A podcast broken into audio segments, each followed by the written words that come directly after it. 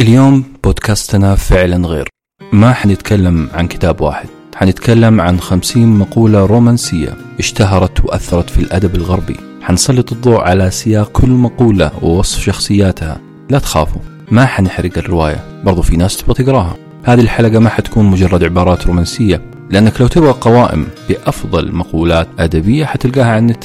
الحلقة حتكشف لنا كيف أنه علاقات الحب في كل فترة من الزمن بتتغير. مثلا العصر الفيكتوري فيكتوريا كانت ملكة بريطانيا. صورت المرأة في هذه الفترة بالمرأة القوية والمستغلة للرجال. باستعراض مقطع من رواية الآمال العريضة اللي كتبت في العصر الفيكتوري حتلاحظوا أن النساء في الرواية قويات ولا يستطيع الرجل استغلالها. بالعربي البودكاست هذا حيكون كشاف لفكر كل عصر. نوع العلاقات في كل عصر يكشف لك الواقع السياسي والاجتماعي والأدبي. يعني البودكاست حيكون informative, educating and entertaining. فضي نفسك وفضي نفسك واحزموا حقائبكم عشان نروح رحلة خمسين يوم في سلسلة أكثر خمسين مقولة رومانسية تأثيرا في الآداب الغربية والشرقية My life is brilliant. My love is pure. I saw an angel. ثم تراجع للوراء محاولا ألا ينظر إليها وكأنها الشمس لكنه رآها فعلا كما يرى الشمس رآها دون أن ينظر إليها المقولة الأولى من رواية أنا كارنينا للكاتب الروسي ليو تولستوي.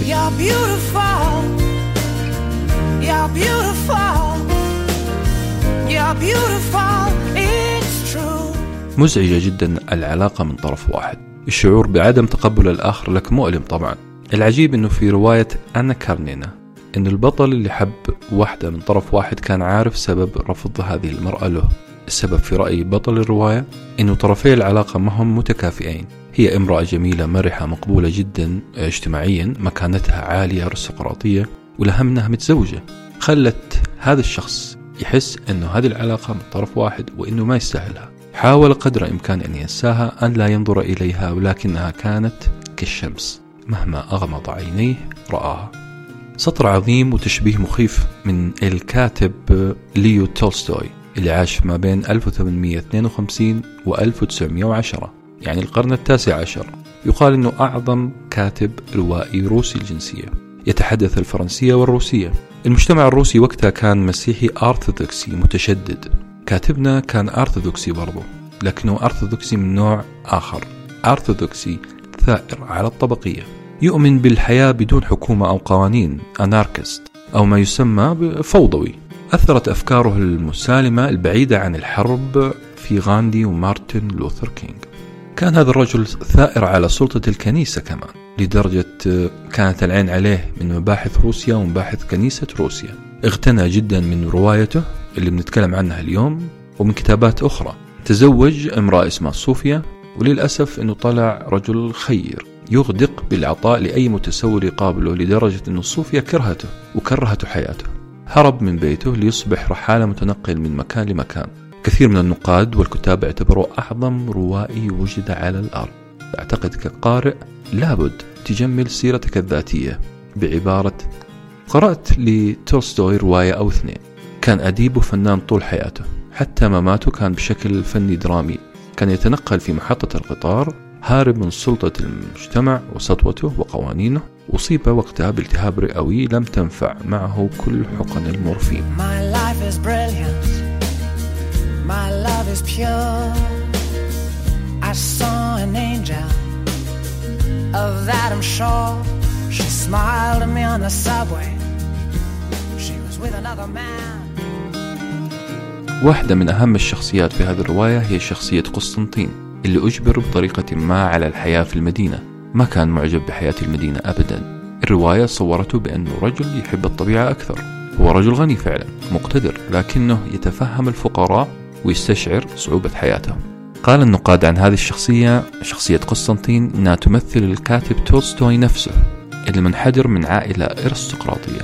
هذه أحلى ميزة في الرواية أنه الكاتب يعبر عما يشعر فيه فعلا بحيث تحسها أقرب للتوثيق والسيرة الذاتية بشكل فني. جميل لما نرى شخص أرستقراطي يقترب من حياة خدمه والناس الفقراء حوله.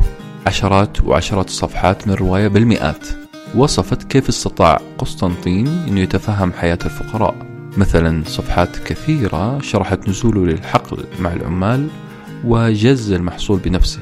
كيف نزوله إلى الحقل جعله يتفهم حالتهم المزرية. كأنه يحاول يشرح للأغنياء في ذلك العصر بأنه لن تشعر بمعاناة هذه الطبقة المطحونة إلا بنزولك إلى الحقل.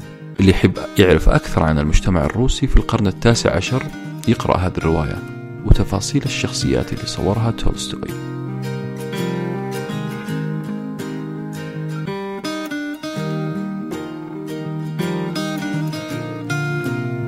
قسطنطين أحب أنا كارنينا. أنا كارنينا بكل أسف كانت متزوجة من رجل أرستقراطي آخر. بكل أسف وأسف كانت أن كارنينا تحب شخص آخر غير زوجها. كانت مهتمة بشخص آخر. هي امرأة مرموقة كانت مضرب للمثل كأم صالحة وزوجة سعيدة وسيدة مجتمع يشار لها بالبنان. لكن هذا هو الظاهر. الباطن؟ أن كارنينا كانت تعاني معاناة شديدة في تضارب مشاعرها. كانت تبدو للناس كامرأة مفعمة بالحيوية متقدة اجتماعيا لكن داخلها كان في تأنيب ضمير عنيف للمشاعر اللي تكنها لشخص غير زوجها. خلينا نقرب شوية من مقولتنا في هذه الحلقة. المقولة تقول عن قسطنطين ثم تراجع للوراء محاولا ألا ينظر إليها وكأنها الشمس لكنه رآها فعلا كما يرى الشمس رآها دون أن ينظر إليها. قسطنطين كان يحاول نسيان هذه المرأة. كان يحاول نسيان أن كارنينا اللي أحبها لعدة أسباب لكنه كان متأكد أنه حب من طرف واحد لعدة أسباب برضه حاول أن ينساها ويبعد نفسه عنها لفترة من الزمن.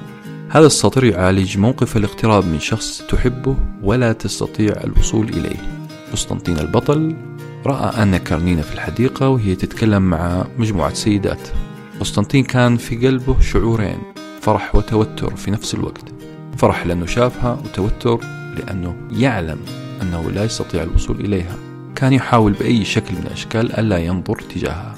تولستوي وصف موقف قسطنطين قائلا وهنا أقتطع أنا من الرواية.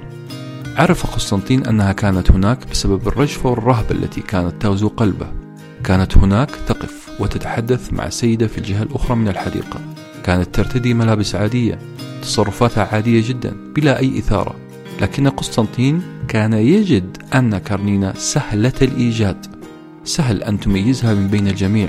كل شيء فيها كان مشرقا. لديها ابتسامة تغطي بنورها على الجميع. هل من الممكن أن أذهب إليها في أعلى الحديقة؟ كان مكانها التي تقف فيه في أعلى الحديقة أشبه بمكان مقدس. لا يمكن الوصول إليه. ثم جاءت لحظة امتلكه فيها الخوف. حاول أن يسيطر على خوفه بتذكير نفسه بأنها إنسانة عادية. يمشي حولها الناس ويتحدثون إليها وأنه باستطاعته أن يتقدم لها ويكلمها وهنا جاء المقطع حقنا ثم تراجع للوراء محاولا ألا ينظر إليها وكأنها الشمس لكنه رآها فعلا كما يرى الشمس رآها دون أن ينظر إليها You're beautiful. You're beautiful. You're beautiful.